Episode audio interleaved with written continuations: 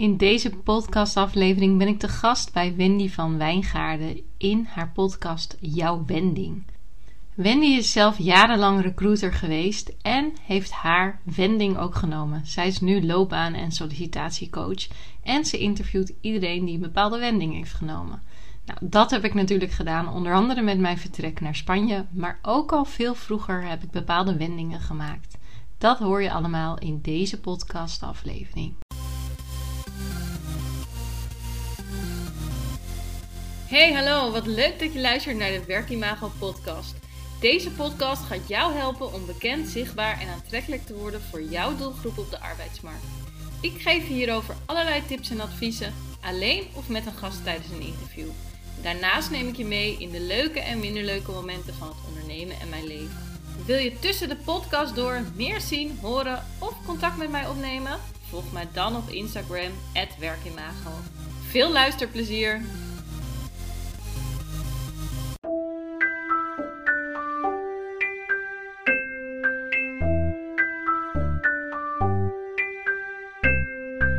Dit is jouw wending, de podcast over werkplezier, solliciteren en de juiste mindset om je daarbij te helpen. Ik ben Wendy van Wijngaarden en als loopbaancoach gun ik je zoveel meer dan gewoon een baan. Door delen van mijn tips en inzichten wil ik je aanmoedigen om in actie te komen op weg naar je leukste werk en leven.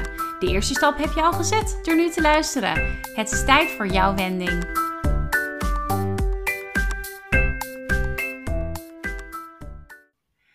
Kim, welkom uh, in de podcast. Dankjewel. Leuk om hier te zijn. Ja, nou dat vind ik ook heel erg leuk en heel bijzonder, want uh, we zitten gewoon uh, vanuit twee verschillende landen nu op te nemen natuurlijk. Want jij zit nu in, in Spanje, Andalusia als ik me niet vergis. Ja, klopt. Zuid-Spanje is dat, ja. Ja, en ik uh, zit in Utrecht. En wat dan wel weer leuk is, is dat wij in Utrecht, uh, daar had ik het net even over met Kim. In Utrecht hadden we afgelopen weekend, uh, het is februari, maar we hadden een, een lenteweekend. En Kim had regen. Terwijl meestal is het andersom. En zitten wij in de regen en in de kou. En zit jij lekker in de zon en in de warmte. Maar nu, uh, nu even niet. Nu was het inderdaad andersom. Maar goed, vanmiddag kan ik weer lekker in mijn t-shirt zitten en jullie niet. Dus dan heb je elke keer weer wat. ja, inderdaad. Nou ja, dat uh, overleven we ook alweer. Uh, ik moet de hele dag werken, dus wat dat betreft is het ook prima. Als het wat minder warm is vandaag. hey, maar heel erg leuk dat je er bent bij, in de podcast. wij, wij hebben elkaar volgens mij nog nooit ontmoet in het echt, hè? Want we komen allebei uit, uh, uit de recruitmentwereld. En jij zit daar nog steeds in en ik nu wat minder. Uh, maar volgens mij zijn we elkaar nooit uh, op een event of zo tegengekomen. Het is allemaal online contact dat we hebben gehad. Ja, ik denk altijd online contact. En wel, volgens mij volgen we elkaar fanatiek. Want we reageren ook vaak fanatiek op elkaars stories en dat soort dingen. En op de berichtjes. Maar volgens mij inderdaad nog nooit face-to-face. -face. Nee. Nee, nou ja, nu dan wel face-to-face uh, in, dit, uh, in dit gesprek, maar, uh, maar nog niet live inderdaad. Um, en de reden dat, dat het mij heel erg leuk leek om jou in de podcast te hebben, dat, nou ja, we hebben het in de, deze podcast over wendingen van mensen, zowel in hun werk als in hun privéleven. En uh, van jou kende ik in ieder geval één hele grote wending. Namelijk dat je naar Spanje uh, bent vertrokken met je gezin uh, vorig jaar. en inmiddels, nou ja, we hebben net even voor, voor gesprek gehad. En toen vertelde je me over nog wel, nog wel meer wendingen die je ja, eigenlijk je hele leven door al hebt gemaakt. Dus het lijkt me heel leuk om daar wat meer over te horen. En hopelijk kunnen we anderen ook inspireren daarmee. Dus wat, even voor de mensen die jou nog niet kennen, um, zou je eens wat, wat over jezelf willen vertellen? Over je leven nu, wat je nu doet? Ja, natuurlijk. Ik zit even te denken, waar ga ik beginnen? Maar um, ja, wij wonen dus inderdaad in Zuid-Spanje. En uh, daar woon ik samen met mijn man en mijn twee kindjes. Die zijn nog jong, die zijn vijf en zes. Dus wij, toen wij hier kwamen waren zij vier en vijf. Uh, want we zijn hier nu een jaar. En um, ja, ik uh, run mijn online bedrijf, Werkimago. Dus dat is inderdaad in de recruitment branche. Uh, dus dat is een stukje recruitment, maar veelal begeleid ik recruiters uh, en ook wel een stuk HR uh, om zelf employer branding en recruitment marketing in te zetten. En daarnaast runnen wij drie vakantiehuizen, genaamd het Echte Spanje. En nou, in principe is dat, zeggen we altijd, een beetje meer mijn man bedrijf. Maar goed, ik ben wel degene die beter Spaans spreekt. Dus als er gasten zijn, dan Spaanse gasten, dan, dan pak ik dat op. Uh, ja, en ik zit te denken wat nog meer, maar ik denk even zo een uh, beginnende intro. Ja, leuk. Uh, en um, nou ja, om dan maar meteen eventjes op, op het Spanje-verhaal in te gaan. Hoe is dat nu voor jullie in, in deze coronatijd om, daar, ja, om daar een bedrijf op te zetten? Nou ja, wij, wij waren hier dus een, ongeveer anderhalve maand en toen gebeurde dat. dus um, ja, dat is wel even schakelen. En um, ik moet wel zeggen, we hebben natuurlijk regelmatig op, uh, hebben met elkaar zijn we in gesprek gebleven van ja, uh, willen we terug of willen we dit nog? En zeker in Spanje was de lockdown veel heftiger, want we mochten echt ons huis niet uit. Um, maar goed, ja, wij hebben hier een heerlijk huis met zwembad en een grote tuin. Dus um, ja, ik moet zeggen dat wij uh, nog het redelijk luxe hadden. Als je ziet hoe uh, sommige Spanjaarden op een uh, klein appartement zonder balkon wonen. Dus um, ja, wat dat er gaat, waren wij altijd, hadden we zoiets van nee, we willen niet weg. We willen gewoon blijven. We zitten hier voor ons gevoel beter dan in, in Nederland. Dus ja, maar goed, om terug te komen op jouw vraag met een bedrijf op te bouwen. Gelukkig hebben wij de keuze gemaakt om destijds een goed lopend, uh, ja, Finca Rural noemen ze dat hier, dus de vakantiehuizen. Dat is van een Spaanse eigenaar, dat is het nog steeds. Dus wij pachten dat en dat loopt gewoon heel goed. En daarmee hebben wij wel heel erg de mazzel gehad. Dat enerzijds toen corona uitbrak, hebben we ook gezegd, ja, we hebben nog niks opgebouwd. We zijn hier anderhalve maand, dus we moeten wat met elkaar gaan doen. Um, en daar stond hij natuurlijk voor open, want hij zat dat gaat daar wel realistisch in. En daarna, uh, ja, na drie maanden opsluiting van Spanjaarden in steden zoals Cordoba en Sevilla, wil je echt naar buiten met je gezin. En wij zitten dan heel kleinschalig, midden in een natuurpark. Dus ja, de Spanjaarden die kwamen wel vorige zomer. Dus wij hebben geloof ik tussen juni en uh, eind augustus, begin september, hebben wij geloof ik twee nachten gehad dat we niet vol zaten. Dus ja, dat is, dan heb je weer echt een onwijze piek. En daarna was het natuurlijk, kwamen er weer nieuwe maatregelen met die tweede golf. En uh, ja, zijn we weer in gesprek gegaan met de eigenaar. Dus um, het is met uh, ja, ups en downs, om het zo even te zeggen. En nu zijn wij allebei niet heel erg dat we in de down zitten. Want we hebben zoiets van, ja, we hebben gewoon goede afspraken met hem. Dus uh, ja, prima. We zien wel weer wanneer de vakantiehuizen weer vol zitten. De zomer komt er weer aan straks. Ja, oh, nou, dat is wel goed, uh, goed om te horen. En dat is dan waarschijnlijk ook het voordeel dat, uh, dat de eigenaar, uh, dat het dus en al een lopend ja, complex was. En dat de eigenaar Spaans is. Misschien dat dat ook meer lokale, ehm, ja, zeg maar Spaanse toeristen aantrekt. Nou, ik denk dat het ook is omdat hij uh, gewoon de afgelopen jaren. Ik, ik, ik, denk dat hij die huis al iets van 20 jaar heeft, of misschien minder hoor. Ik moet heel ik zeg dat ik het ook niet helemaal exact weet. Maar hij heeft natuurlijk heel veel PR al gedaan. En heel veel mensen komen elk jaar terug. We hadden vorig jaar zomer kwamen mensen twee keer terug. Um, dus wat dat er gaat, en ook gewoon via een boeking en een Airbnb worden gevonden. Maar het helpt wel dat je Spaans spreekt. Want Spaanse, ook al is het mijn Spaans niet perfect, Um, Spanjaarden willen graag bij mensen die Spaans spreken. Want ze spreken gewoon hier bijna geen. Hier in het dorp spreekt überhaupt misschien maar vijf mensen Engels. Maar uh, de toeristen die komen spreken ook 9 van de 10 keer weinig Engels. En uh, vaak willen ze het ook niet. Want het is ook hun vakantie. Dus dan willen zij gewoon in eigen land lekker makkelijk Spaans spreken. Dus, uh, en dat helpt dan wel dat je natuurlijk zelf ook Spaans spreekt. En dat kan je dan ook aangeven bij al die um, websites. En de website hebben we ook gewoon nog voor de Spaanse markt in het Spaans gehouden. Ja, slim. Nou ja, fijn. Uh, dat is wel uh, ja, echt leuk, leuk om te horen dat dat gewoon wel echt lekker loopt voor jullie.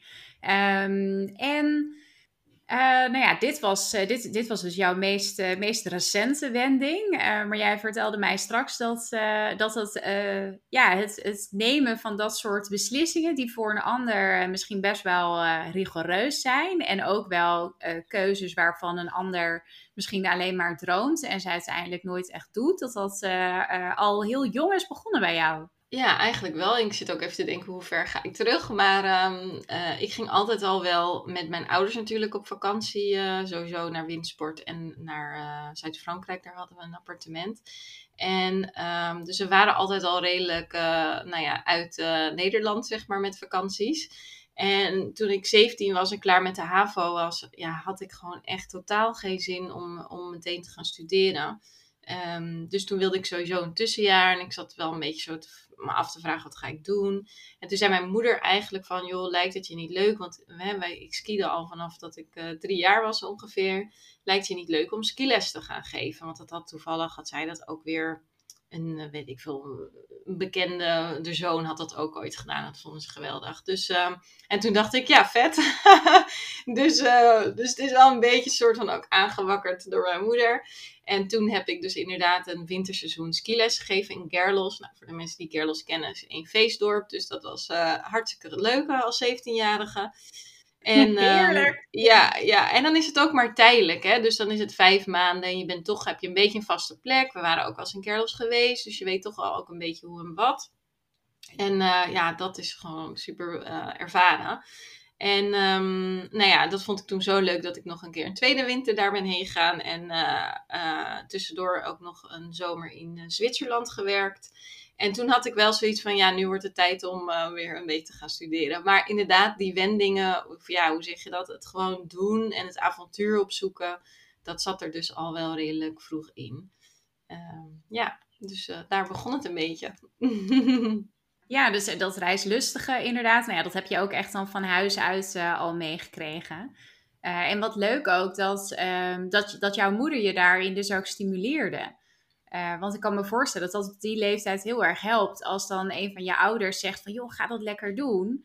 Uh, dat, dat, um, dat dat ook wel meer vertrouwen geeft. Uh, van ja, weet je, als mijn moeder denkt dat ik het kan, dan kan ik het blijkbaar wel.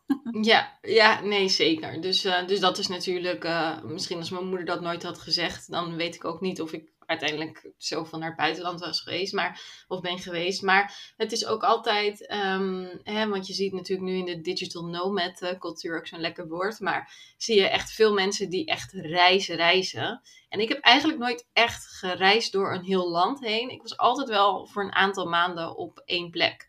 Dus dat is, dat is dan ook al anders, want je kan je toch wel weer uh, ja, een soort van settelen. Je hebt toch wel weer uh, vrienden bouw je op. Of um, eh, met de skiën natuurlijk, je collega's waren je vrienden en alles. En het is ook wel grappig hoe je dan ervaart hoe mensen er thuis mee omgaan. Want um, ja, enerzijds, ik ben nooit zo heel erg dat ik Nederland dan miste. Anderzijds, ja, voor de mensen thuis ben jij wel ineens weg. Dus dat is uh, ook alweer krijg je dan te maken met, uh, ja, sommige mensen denken, nou Kim, ik hoor nooit meer wat van je. Of uh, dat ik denk, oh ja, ik hoor ook niks. Nou prima, weet je wel. Voor jou is alles nieuw in het buitenland, maar voor de mensen die thuis blijven is dat, uh, is dat niet zo. Dus je leert ook wel weer je vrienden kennen. En ja, ik heb ook wel mensen gehad die ik bij wijze van spreken een half jaar niet had gesproken. En in Nederland waren we weer hartstikke close. En dat, dat was dan ook prima. Ja, nou ja, en zo is het ook altijd. Uh, als jij degene die op vakantie is, of in dit geval was het, nou ja, woonde je gewoon voor een aantal maanden in een ander land. Uh, jij bent degene die alle nieuwe indrukken heeft en alle nieuwe mensen leert kennen. En uh, daardoor ja, mis je thuis wat minder. Dat herken ik ook wel van toen ik zelf in Nieuw-Zeeland was, bijvoorbeeld. Ja. terwijl de mensen thuis zoiets hadden van: oh, het duurt zo lang, wanneer kom je weer terug?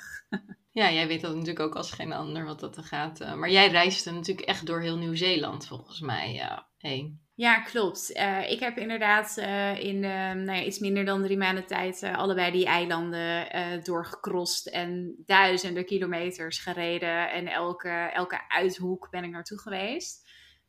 en, maar het, ik had toen wel ook het idee om er misschien een tijdje, um, dat ik er misschien ook wel voor een tijdje zou willen wonen.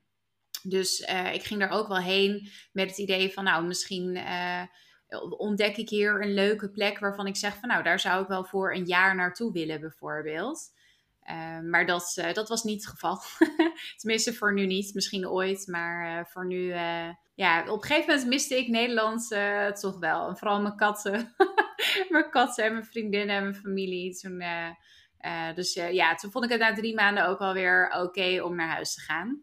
Maar had je niet toen je na die drie maanden uh, dus naar huis gaat en dat je dan, dat had ik altijd heel sterk. Dan was ik dus dan had ik op een gegeven moment ook wel, hè, na die tijd, dat ik dacht, oh lekker weer naar huis, naar Nederland. En dan was ik een week thuis en dacht ik echt, wat doe ik hier, mag ik terug? Ja, dat, ja, dus aan de ene kant wel. En ik moet zeggen dat ik kijk nog steeds heel veel naar die foto's ook die ik allemaal in Nieuw-Zeeland heb gemaakt. En dan denk ik, oh, was ik daar maar. Vooral omdat ze, ze hebben daar nu ook geen lockdown meer, al heel lang. Dus je kunt gewoon binnen Nieuw-Zeeland kun je ook vrij reizen en alles doen wat je wil. Uh, dus dat, dat is ook heerlijk natuurlijk. Maar ja, ik weet niet. Toen, toen ik terugkwam in Nederland, toen ging ik ook gewoon hier weer zoveel leuke dingen doen. Vooral uh, qua, qua werk en ondernemen.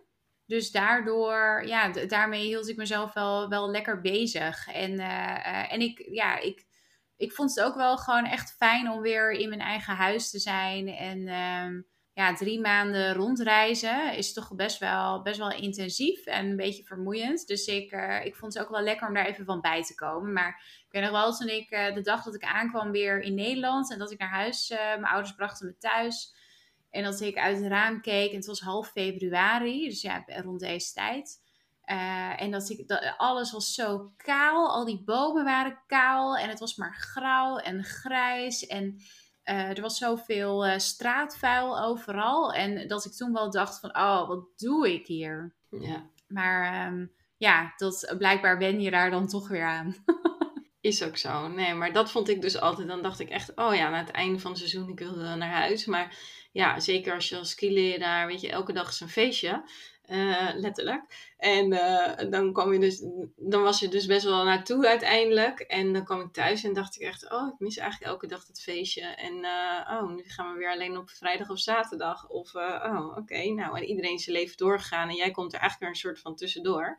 Dus um, dat is ook wel, wel weer een soort van wennen. Ja, dat kan ik me voorstellen. Dat ja, iedereen's leven in Nederland is dan gewoon doorgegaan natuurlijk.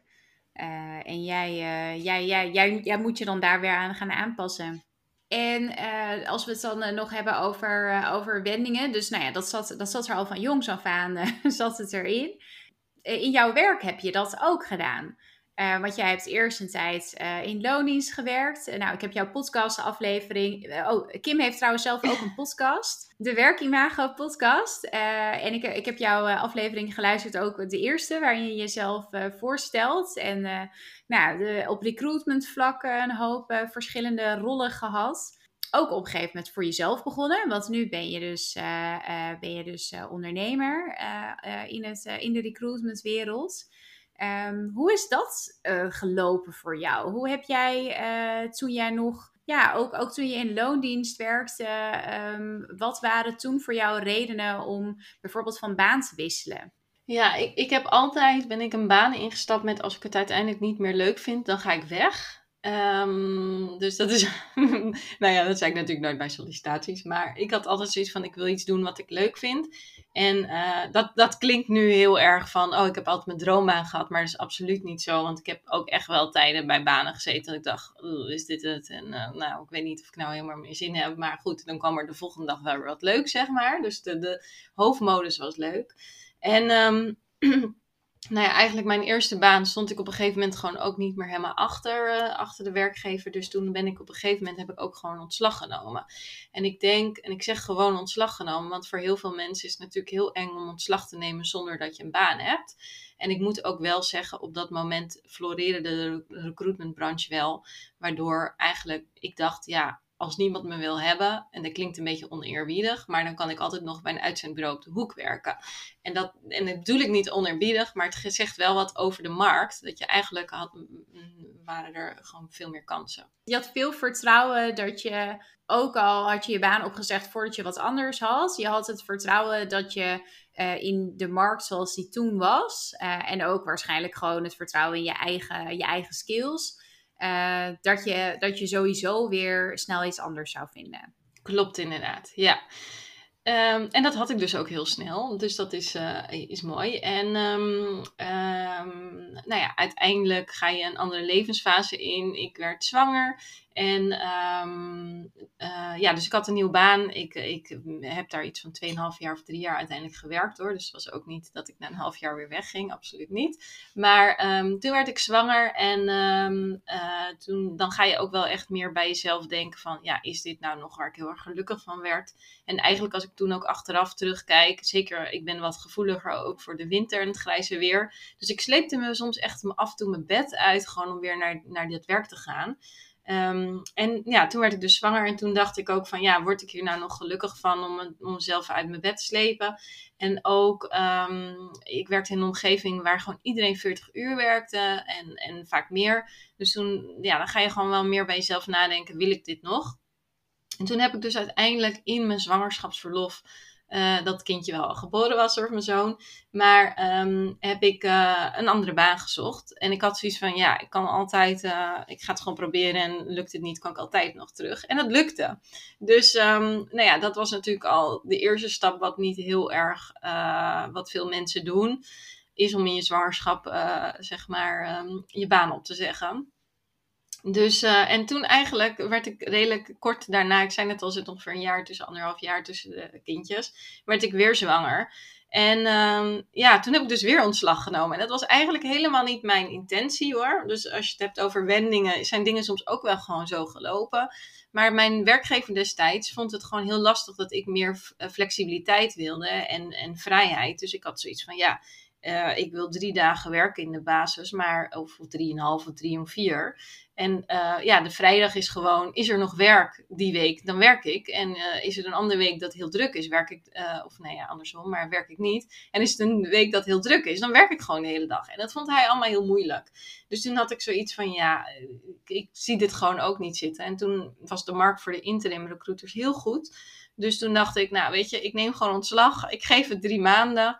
Als ik binnen drie maanden geen interim opdracht heb, ga ik gewoon weer ergens in loondienst. Dus um, ja, en ik had dus binnen een week een opdracht. Dus um, ja, het is natuurlijk ook, wat ik net zeg, soms zijn dingen zo gelopen. Um, maar ook wel, natuurlijk moet je een, een beetje geluk hebben met de markt of, hoe dat op dat moment is. Maar goed, ik had dus twee keer ontslag genomen in mijn zwangerschapsverlof. En iedereen vond dat maar heel erg uh, ja, gewaagd en een wending dan. Ja, want uh, weet je nog uh, of er dingen waren waar je over twijfelde? Um, met name toen je, toen je je baan ging opzeggen om, om voor jezelf te beginnen. Herinner je daar nog iets van de dingen waar je ja, dat gaat natuurlijk nooit over één uh, nacht. Want um, uh, je zit eigenlijk continu in dubio. Ik had het echt super naar mijn zin bij, uh, bij die werkgever. En eigenlijk had ik daar heel veel vrijheid in mijn werk, om het zo even te zeggen. Dus niemand die op mijn schouder zat te kijken, wat doe jij? En nee, ik, ja, ook omdat je, als je gewoon goede resultaten boekt, dan laten mensen je ook wat meer met rust over het algemeen als je het hebt over managers. Dus... Um, ik zat heel erg in tweestrijd. En, um, uh, maar wat het uiteindelijk heeft overgehaald, en daar heb ik ook best wel met collega's over gespart, omdat dat ook op een moment als vriendinnen waren geworden. Uh, is dat op dat moment zat het bedrijf ook in een kentering. En kwam er dus een manager die heel graag de hele dag met je over je schouders wil kijken. En toen zei die collega tegen mij: Kim, je moet je voorstellen. Hè, zij, is, zij is zelf, uh, heeft geen kinderen, maar ze weet wel wat over baby's. Uh, je gaat straks een baby krijgen. Die slaapt gewoon weinig. Hè? Dat weten we allemaal van baby's. En jij bent iemand die kan heel lang dingen slikken. Maar op een gegeven moment is je emmer vol. En dan barst je uit elkaar. En dan is het gewoon een drama, zeg maar. Uh, niet zozeer dat ik dan een drama ben. Maar als je natuurlijk in één keer een sneer tegen de manager geeft. Die vinden dat vaak niet zo heel fijn. Dus uh, ze zei ook, ja, denk daar ook over na. Van ga jij gelukkig worden met deze manager? Uh, zeker in de omstandigheden waarin je komt. En achteraf sliep mijn tweede dus ook heel weinig. Dus uh, ze had een soort van uh, vooruitziende blik. Maar ja, nee, ik zat heel erg in, uh, in tweestrijd daarin. En uiteindelijk heb ik het dus toen toch gedaan. Eigenlijk ook een beetje met pijn in mijn hart. Maar ja, achteraf de beste keuze ever. Ah, dus het, um, het, het was nog niet eens nou ja, je, je, had, je, had, je had dus ook wel het verlangen om voor jezelf te beginnen. Maar het was eigenlijk vooral dat je wist van... Uh, als ik hier nu bij dit bedrijf blijf met die nieuwe manager... Uh, daar ga ik gewoon niet gelukkig van worden. En als ik dan toch nu wat anders ga doen dan kan ik, uh, dan, dan, kan ik in deze markt kan ik, uh, net zo goed voor mezelf beginnen. Is, is dat dan hoe dat voor jou, uh, hoe dat voor jou ging? ja, voor wat betreft de werkgever. Um, natuurlijk kwam de omstandigheid ook dat het gewoon een goede interimmarkt was. Um, en ik dus met drie dagen werken interim eigenlijk een fulltime salaris verdiende. Dat zat er natuurlijk ook bij. Maar nog meer omdat ik gewoon nu zelf kon kiezen wat ik wilde en wat ik niet wilde qua opdrachten. Maar ook qua tijden. Um, ik wilde eigenlijk gewoon starten met een opdracht voor drie dagen, omdat het uh, natuurlijk je twee kleine kindjes hebt. Uiteindelijk heb ik ook vaak genoeg opdrachten van vier dagen of meer gedaan, maar gewoon die flexibiliteit en de vrijheid om het zelf te kunnen kiezen, dat wilde ik met name. Ja, dat is heel herkenbaar. dat, uh, ik ben ook nog, nog steeds heel erg blij dat ik die, uh, die keuze heb gemaakt. Um, en toen, uh, dus, jij, dus jij was al even voor jezelf begonnen. Jij was in Nederland aan het interimmen. En hoe is toen het hele Spanje-avontuur op jullie pad gekomen? Ja, nou, dat komt nooit op je pad. Dat moet je altijd opzoeken. Dat als eerste. Maar nou ja, wat ik net zei, dat reizenlustige, dat uh, zat er al in. En um, ik moet heel eerlijk zeggen, het was altijd wel mijn droom om, uh, om in een warm land te gaan wonen. En um, mijn man had op zich dat wat minder, die droom. Uh, maar goed, hij, ik had het dus al wel een aantal keer geopperd.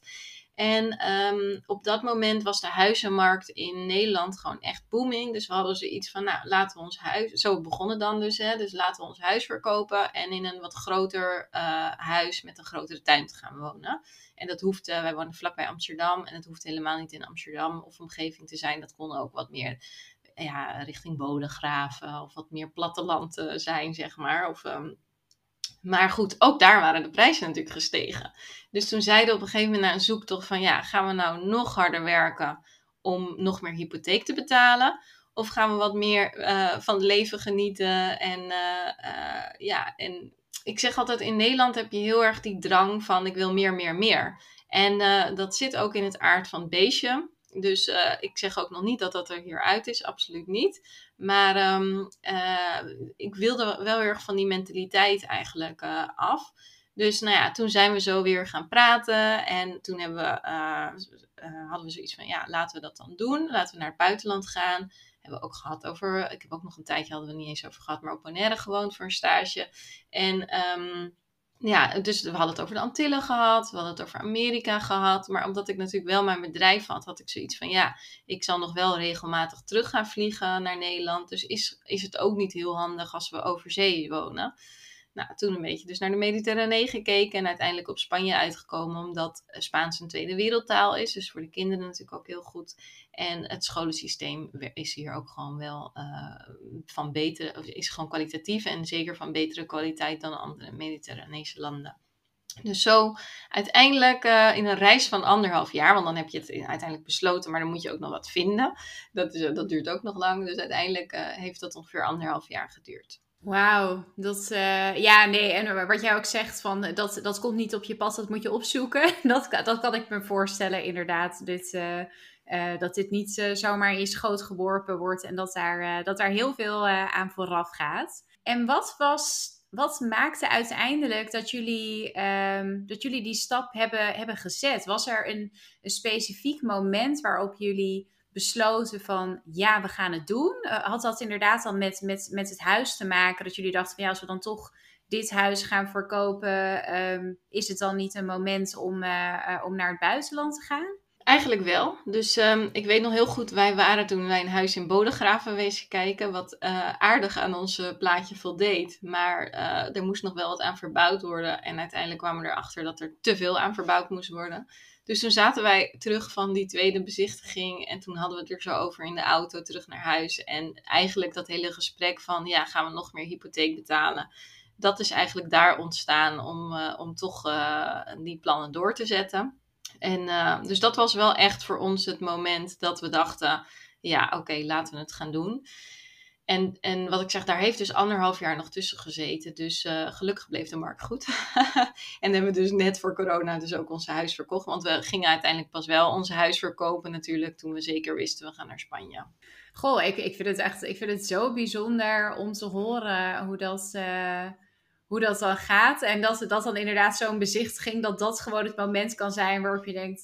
Nou, nee, nee, dit, dit is het gewoon echt niet. Nee, nee. Nou, en het is natuurlijk ook zo, ook in die anderhalf jaar zoektocht ga je wel in, in ja, ups en downs. Downs klinkt helemaal alsof je er doorheen zit, zo bedoel ik het niet. Maar het ene moment hadden we echt nog het idee van, ja, we willen dit en we waren actief op zoek naar huizen. En toen konden we niet de huis vinden dat we wilden, of wat niet aan ons plaatje volda, voldeed. Dus we hadden ook eerst het oog bedacht van we gaan voor een koopwoningproject met vakantiehuizen. Maar we kwamen daar gewoon niet uit met wat aan ons plaatje voldeed. Dus nou ja, dan raak je eigenlijk weer een beetje van, nou, het lukt allemaal niet. En willen we dit nog wel? En uh, ik had zoiets van, waarom gaan we niet gewoon, we gaan gewoon, we huren ergens een huis voor vier maanden en dan gaan we vanaf dan zoeken. Mijn man die heeft, uh, had altijd een vaste baan en die was daar wat minder springerig in. Dus die zei echt, nee, dat ga ik echt niet doen. Het moet gewoon allemaal bij elkaar vallen. Nou, dus dan zat ik af en toe weer. En hoe meer ik dan op een gegeven moment, hoe meer je dan pusht, hoe minder die dan wilt, weet je wel. Dus op een gegeven moment dacht ik, oké, ik laat maar weer los, want anders wil hij straks niet meer. Dus dan gaat natuurlijk gaat dat ook met, met hobbels. En uiteindelijk kwam dit het project via Facebook uh, in een groep uh, terecht dat iemand dit wilde ver, verhuren of verpachten. En, en toen viel alles samen. Want we hadden toevallig al een vakantie naar Spanje geboekt, naar Andalusië. Dus toen hadden we dat meteen gecombineerd met, met het project bekijken. En toen viel alles samen. En toen had mijn man ook zoiets van: oh ja, dit gaat hem worden en we gaan het doen. En we waren toen in september voor het eerst deze kijken. En in december nog een tweede keer en uh, tekenden we contracten. En eind januari zaten we er. Dus dan ging het opeens heel snel. Ja, dus dan heeft het toch zo moeten zijn als jullie ook al die vakantie hadden geboekt, inderdaad. Wat cool. Um, er schoot mij net iets te binnen toen je aan het vertellen was. Ja, dus, dus wat je zegt van dat het anderhalf jaar geduurd heeft en met ups en downs. En um, was er iets waardoor het jou lukte om die, die stip op de horizon, zeg maar, eh, niet uit het oog te verliezen? Want het gebeurt natuurlijk wel vaker. Uh, als ik, zeg maar, nu kijk uh, naar um, coaches waarmee ik uh, loopbaantrajecten doe, die dan een droombaan hebben die niet ja, waar, waar, waar, ze zeg maar nu nog niet op kunnen solliciteren omdat ze nog niet de juiste ervaring hebben. Of omdat ze heel graag uh, in de reisbranche willen werken bijvoorbeeld. Uh, dus dan probeer ik ook met ze mee te denken of ja, in ieder geval te adviseren van hou die stip op de horizon uh, vast en weet waar je het allemaal voor doet. Was, was er iets voor jou wat... Um, had, had, jij daar een, een, eigen manier voor om op de momenten dat je er even doorheen zat, of dat je man uh, even uh, zijn twijfels uh, erover had, waardoor het jou lukte om weer, um, ja, om toch te blijven doorgaan? Nou, ik, ik, ik wilde het gewoon heel graag. ik denk dat dat natuurlijk het begin is. Dat, dat, ik wilde dit gewoon echt heel graag. En wat ik al zei, ik had al drie keer mijn koffers gepakt en was gegaan. Um, maar ik wist ook dat ik uh, nog een wederhelft had en twee kinderen die dat ook moesten vinden. Um, dus ja, ik, ik denk toch daarin het einde blijven. En soms ook gewoon even de boel de boel laten. En dan komt het wel weer op zijn pootje terecht. En dat zie ik eigenlijk ook met mijn bedrijf. Uh, uh, dus dat, dat als je het over ondernemerschap hebt, dan zie ik dat ook wel weer terug in een ondernemer. Want daar gaat ook niet altijd alles zo snel als je zou willen. Um, dus ik zat vorig jaar, zat ik ook wel met mijn eigen bedrijf, dat ik dacht, ja, waar doe ik het allemaal voor? En uh, dat soort dingen. En nu uh, rendeert dat zich ook. Dus soms heeft het gewoon uh, ook, ook bepaalde keuzes of waar je uiteindelijk wil komen, heeft gewoon wat tijd nodig. En soms kan je ook gewoon kleine stapjes blijven zetten om dat, om dat te bereiken. Um, om even het voorbeeld te geven van mijn bedrijf. Ik was vorig jaar echt super veel zichtbaar. En ik hoorde van iedereen: Oh, ben je zichtbaar? En ik zie zoveel wat leuke dingen deel je. Maar bij wijze van spreken, niemand kocht.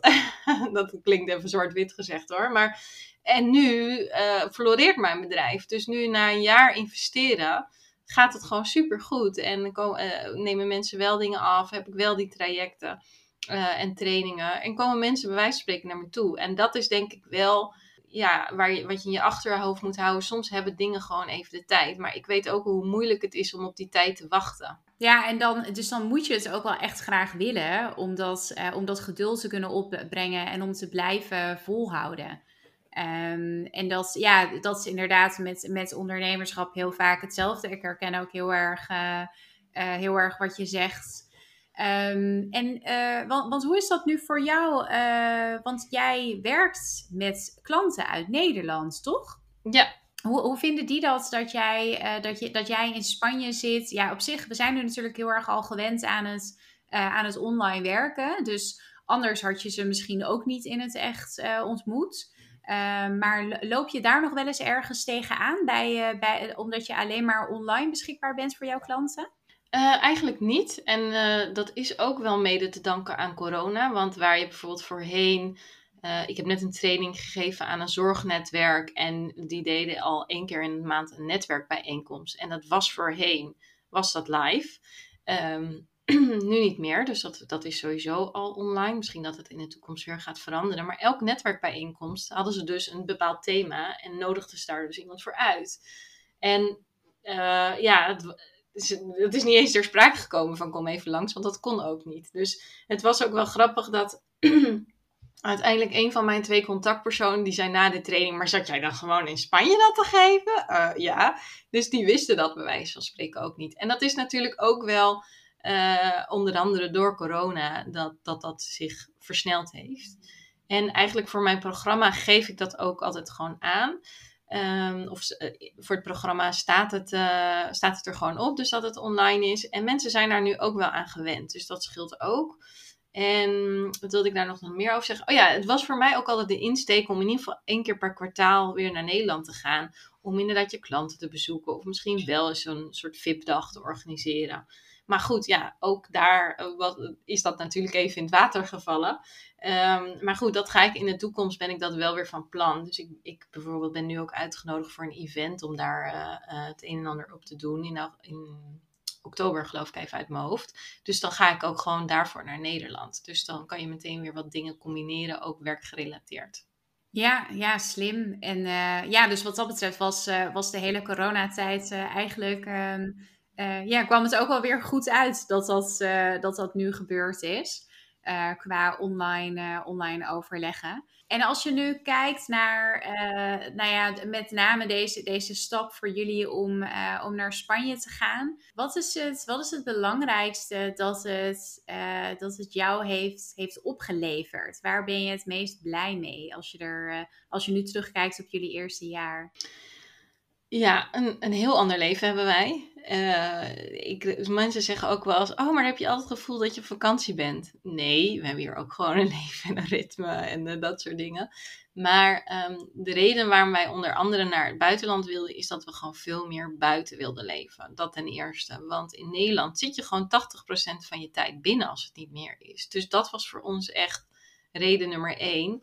En uh, nou, we hebben toevallig nu natuurlijk de winter uh, gehad, dus waren we ook wat meer binnen. Maar de rest van het jaar, ik werk gewoon ook buiten. Ik, uh, hè, dus um, je zit gewoon heel veel buiten. Je bent heel veel buiten. De kinderen zijn veel meer buiten aan het spelen en vrijer.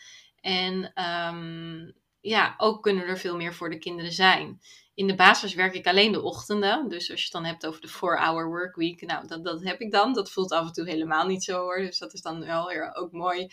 Het boek met de 4-hour workweek. Uh, of sorry, workday. Ik zeg het nou verkeerd. Maar ik uh, werk dus in principe alleen de ochtenden. Om twee uur halen we de kindjes op en, um, van school. En dan gaan wij ook warm eten bijvoorbeeld. Dus dan, wij eten geen avondeten meer. Nee, wij gaan om twee uur halen de kindjes op. Ga koken, gewoon op ons gemak. En ergens tussen drie en vier eten we warm. En, um, en dat is gewoon heel anders. Mensen kunnen dat helemaal niet voorstellen. Dan zit ik soms dus wel eens in calls. En dan zeggen mensen, nou ik ga even een broodje eten. Jij ook? Uh, nee.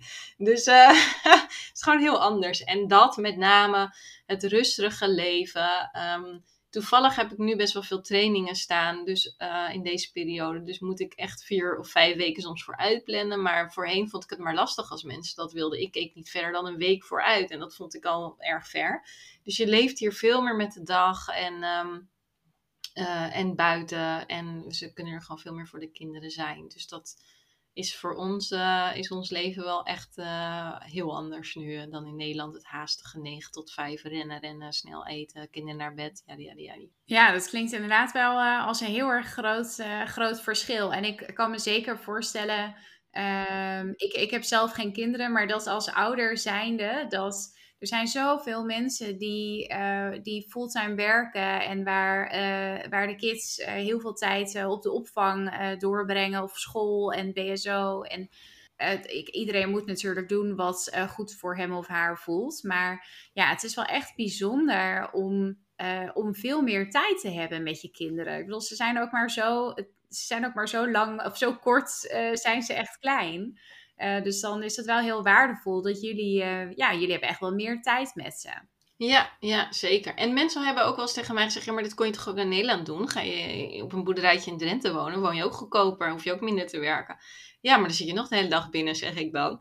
En het zit gewoon ook, de mentaliteit in Nederland is gewoon heel anders. Dus uh, hè, wat ik net al zei, het veel meer haastige. En ik, ik weet gewoon dat ik dat in Nederland nooit had kunnen doen. Ook omdat, en dat zit nog steeds in het aard van het beestje, je wilt continu maar meer. Uh, in Nederland. Uh, en natuurlijk heeft niet iedereen dat, maar als jij gewoon allebei een baan hebt, je werkt hard, je hebt twee kinderen, dan wil je meer. Je wilt een grotere auto, je wilt weer een iPad, je wilt weer een nieuwste iPhone, je wilt weer uh, het liefst nog een grotere huis, je wilt je kinderen beter geven. En voor dat meer, meer, meer moet je ook steeds harder werken. En um, ja, en, en dat, dat, ging, dat, zou bij mij, dat zit er nog steeds in het aard van het beestje, want zo ben je opgegroeid. Maar hier kan ik dat veel meer loslaten. En, en dat vind ik gewoon heel fijn. En ook in Nederland denk ik dat ik een veel korter lontje tegenover mijn kinderen had. Dus dan kregen ze best wel uh, af en toe, ja, nou nu even niet. Of, uh, en natuurlijk heb ik dat nog steeds wel eens. Want ook soms zit ik te bellen met Spanjaarden voor de vakantiehuizen. Moet ik me al helemaal concentreren om het goed te horen. Want heel veel Spanjaarden praten heel erg binnenmond. Zeker de wat oudere mannen. Nou, dan moet ik echt twee keer doen. En uh, twee keer uh, echt heel goed luisteren. En dan staat er nog een kind aan je been te, te drammen. Dus dan zit, ik soms ook zo van nee, nee, weet je wel. Die geluiden. Dus dat, dat heb je nog steeds. Maar um, ja, inderdaad, ze hoeven nooit hier meer naar de BSO. En ik, laatst zei mijn uh, stiefmoeder, dat klinkt heel raar, maar de vrouw van mijn vader, die zei ook van, weet je nog dat Tigo af en toe gewoon buikpijn had omdat hij naar de BSO moest? Dacht ik, oh ja, weet je wel. Wat je, weet je soms eigenlijk ook wel je kinderen aandoet. Met al die uren opvang en uh, dat soort dingen. Maar goed, als ik nu nog in Nederland had gewoond, was het niet anders geweest. Ja, ja en dat, ik, ik snap ook wel wat jij zegt. Van dat in Nederland lukt het gewoon niet om... Um, tenminste, misschien dat het sommige mensen wel lukt, maar om echt uit die red race te blijven, is gewoon heel lastig als je in Nederland uh, zit. En ik kan me goed voorstellen dat in een hele andere omgeving, in een land waar, uh, waar, het, uh, waar het gewoon allemaal toch wat relaxter is, uh, dat, dat je daar makkelijker dan in wordt meegenomen. Dat het toch aanstekelijk werkt. Ja, nee, is ook zo. En ook in de zomer is het gewoon ook bloedheet hier. Dus je kan ook gewoon niet. Ik heb vorige zomer expres niet gewerkt. Uh, dat weten heel veel mensen niet, want ik was nog steeds zichtbaar. Dus ik zorgde nog steeds dat ik regelmatig op uh, Instagram en LinkedIn en zo was. En ik, uh, ik wilde zeggen, ik nam podcast op, maar dat is ook niet waar, want ik deed in de zomer ook de herhalingen gewoon op social media. Uh, omdat in de zomer ook niet zo heel veel podcasts worden beluisterd. Maar dus ik, ik was gewoon nog zichtbaar. Maar verder deed ik niks voor mijn eigen bedrijf. En, um, en dat kon ook bijna niet. Het was echt uh, hier gewoon wekenlang 40 graden. En 40 graden klinkt nog niet eens zo heet. Maar uh, als het gewoon maar die warmte in de lucht blijft, dan, dan ja, en soms was het ook al over de 40 graden dan, wij gingen gewoon echt van uh, de schaduw even afkoelen in het zwembad. Terwijl het zwembadwater op een gegeven moment ook over de 30 graden is. Dus voelt het meer als een warm bad. Maar goed. Um, en, en weer terug, weet je wel. En soms gingen we smiddags ook even in de airco zitten om gewoon even af te koelen. Dus dan kan je ook gewoon niet die, die red race meedoen. En wat ook wel scheelt is dat wij, uh, dat de kinderen gewoon tot twee uur op op uh, school zitten. Ja, en dan heb je best wel tegen die tijd best wel veel trek. Dus dan moet je wel een goede grote maaltijd eten. En um, ja, daardoor dus, zeg maar tussen twee en, uh, en vier en uh, in de zomer is dat zelfs wat later. Plan, plan ik gewoon ook niks om die reden. Dus dan word je daar ook wel toe gedwongen. Als je bijvoorbeeld geen kinderen hebt, dan kan je misschien nog steeds. Mijn moeder bijvoorbeeld, die woont toevallig ook in Spanje, helemaal aan de andere kant. Die eet gewoon nog wel volgens Nederlandse tijden. Nou, prima. Maar die is nooit gedwongen door dat ritme van bijvoorbeeld de kinderen om daar mee te gaan. Ja, dan, ja dus dat, uh, ja, jullie zijn daar wel gewoon, uh, gewoon in meegegaan. En nee, met die hitte, daar zou ik ook niet aan moeten denken. Om dan, uh, ja, tenzij je, misschien als je s ochtends echt heel vroeg opstaat. En dat je van, van zes tot acht of zo even twee uurtjes werkt. Maar ja, het zal ook niet echt afkoelen waarschijnlijk als het overdag 40 graden is. en jullie hadden natuurlijk ook nog gasten de hele zomer. Dus dus je hebt niet aan, uh, aan je recruitmentbedrijf gewerkt, maar je hebt alsnog uh, gewerkt uh, in jullie vakantiehuizen natuurlijk. Ja, klopt. Klopt. Nu moet ik wel zeggen, die vakantiehuizen, de naam zegt het al, maar is ook echt een vakantiehuis. Dus in principe doen we alleen de ontvangst en de vertrek. En natuurlijk ben je tussendoor, ga je nog even kijken of het goed is en, en dat soort dingen. Ehm, dus het is niet uh, zoals je wel eens de B&B uh, bed and breakfast ziet, van s ochtends vroeg koken tot s avonds. Mm. Nee, mensen hebben gewoon hun eigen huis. En, uh, en wij regelen bijvoorbeeld wel paella voor de mensen, maar dat kopen we dan ook gewoon lokaal. laten we iemand koken bijvoorbeeld. Dus um, in principe heb je daar relatief weinig werk aan. anders dan dat je e-, elke dag even een bezoekje doet. Ehm, maar goed, ja, ik heb ook wel eens gewoon, dan wilden mensen op het midden van de dag om drie uur aankomen, terwijl het kokend heet was. Ja, dan sta je daar ook gewoon te soppen en te zwetend uh, die mensen te ontvangen. Nou, en dan wist ik niet hoe snel ik naar huis moest en uh, het zwembad in moest duiken. Dus um, ja, ja, dus het werk is daarin wel anders. je zit niet zo aan die 9 tot 5 tijden. En ik kan veel meer bedenken wanneer ik zelf wil werken. Ja, heerlijk.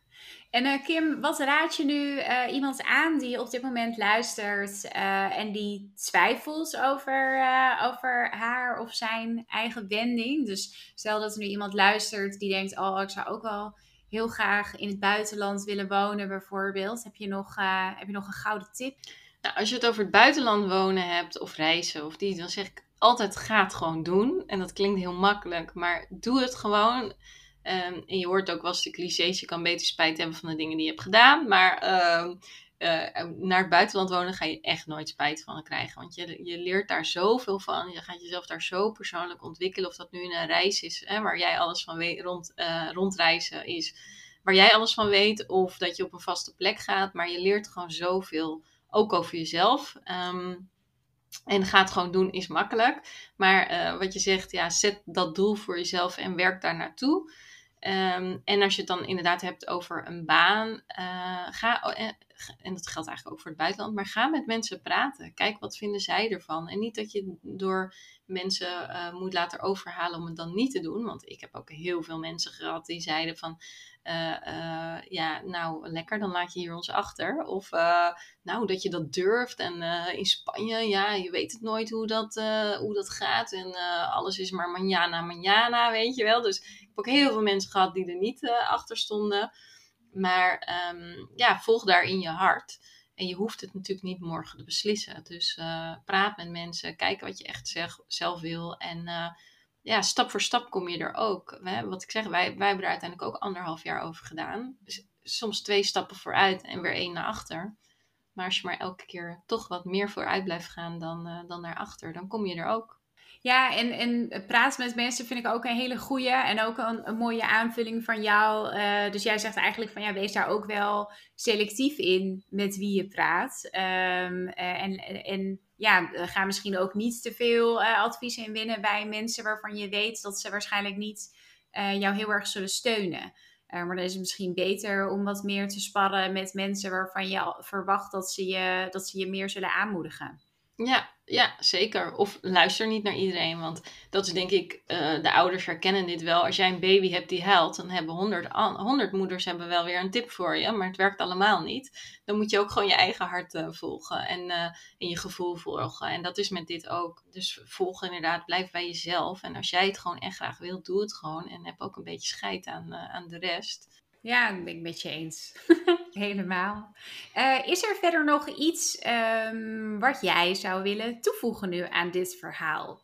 Nou, ik zit even te denken, maar ik denk dat we al heel veel hebben, hebben verteld. En uh, qua tips en dat soort dingen. Maar goed, als mensen een keer vragen hebben of iets dergelijks van uh, hoe werkt dat nou, dan kunnen ze me altijd even een berichtje sturen, geen probleem ja, nogmaals, uh, doe het gewoon. Just do it. Just do it. Ja, en, uh, en als mensen jou een berichtje willen sturen, waar kunnen ze jou dan het beste, beste vinden? Dus we, hebben jouw podcast ook al even genoemd. Nou ja, dat zal voor mensen die niet in de recruitment-branche werken. Ja, er zitten ook wel een paar persoonlijke afleveringen tussen, zag ik. Onder andere over het vertrek naar Spanje. Dus als mensen dat leuk vinden, is sowieso leuk om te luisteren natuurlijk. Uh, maar dat is dus de Werkimago podcast. Uh, en waar kunnen mensen jou uh, verder vinden als ze meer over jou willen weten of contact met jou willen zoeken? Nou, ik heb natuurlijk gewoon de social media's. Hè? Dus ik heb Instagram, dus dat is het Werkimago. ik moet wel zeggen dat dat echt wel meer gerelateerd is aan de recruiters. Maar we hebben dus ook voor de vakantiehuizen een Instagram, dat heet Het Echte Spanje. En uh, op LinkedIn onder mijn naam Kim Werenstein. Uh, dus stuur me gewoon een DM of een, uh, een berichtje en dan antwoord ik graag. Ja, leuk. Nou, ze weten je vast wel, vast wel te vinden als dat nodig is. En uh, ik, ga het, uh, ik, ik volg het echt Spanje nog niet, denk ik me nu. Maar het, uh, het hele, ik, het is misschien wel leuk om eens te gaan doen. Dan kan ik me ook weer eens gaan verheugen op, op een vakantie misschien. Ja. nou ja, en het is ook wel leuk, denk ik, voor in jouw achterhoofd. Maar wij, wij um, omdat het drie vakantiehuizen zijn, heb je dus best wel uh, de ruimte voor jezelf, om het zo even te zeggen. Dus wij organiseren straks als het weer mag, ook wel weer workations, teambuildings of uh, um, leiderschapsreizen of ontdek jezelf uh, reizen. Dus wat dat gaat, is dat denk ik ook nog wel, wel heel leuk. Um, om te vertellen dat je ook gewoon een weekje of een lang weekend jezelf kan gaan ontdekken, om het zo even te zeggen, en die stappen nemen. Dus dat is misschien al wel, wel leuk om te weten. Ja, heerlijk. Dat, uh, nou ja, je ziet steeds meer mensen die inderdaad uh, nu een vakantiehuis ergens boeken uh, of een hotel boeken waarvan wordt gezegd van nou hier is een goede wifi-verbinding en zichzelf zo'n workation gunnen. Dus um, ja, misschien moet ik ook maar eens daarover gaan nadenken. Leuk. hey Kim, ik wil jou bedanken voor het, voor het leuke gesprek. Uh, en voor, voor je tips en dat je ons hebt meegenomen in, uh, nou ja, in wat er in jouw hoofd omging in de tijd uh, dat je die verschillende stappen maakte in je leven en, en in je carrière. Nou ja, en mensen weten waar ze jou kunnen vinden voor, voor meer vragen. Graag gedaan. Dankjewel dat ik ook in de podcast te gast mocht zijn. Altijd leuk om, om te vertellen over hoe en wat we hebben gedaan. Ja, yes, leuk. Nogmaals bedankt.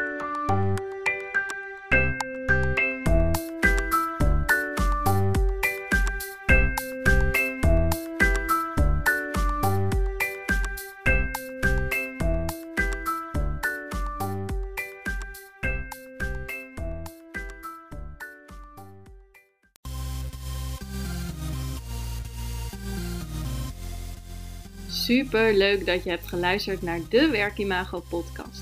Dank je wel. Nog even kort drie dingen die ik met jou wil delen. Allereerst, fijn dat ik steeds vaker word getagd op Instagram in berichten dat luisteraars deze podcast luisteren. Ik vind dat echt leuk, dus tag mij vooral in bijvoorbeeld je stories als je naar deze podcast luistert. En volg je mij nog niet? Ga dan naar Instagram en zoek mij op via werkimago.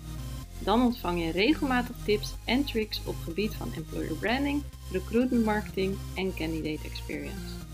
En als tweede, het is mijn missie om jou met deze podcast te inspireren. En omdat ik het super fijn vind dat je naar de podcast luistert, verloot ik regelmatig aan de luisteraars. Of een gratis coachcall, waarin ik jou persoonlijk ga helpen. Of mijn e-book Bekend, Zichtbaar en Aantrekkelijk voor jouw doelgroep op de arbeidsmarkt. Net wat jij het leukste cadeau vindt. Wil je hier kans op maken? Geef de Werkimago podcast dan een review via de podcast app waarmee je deze podcast luistert.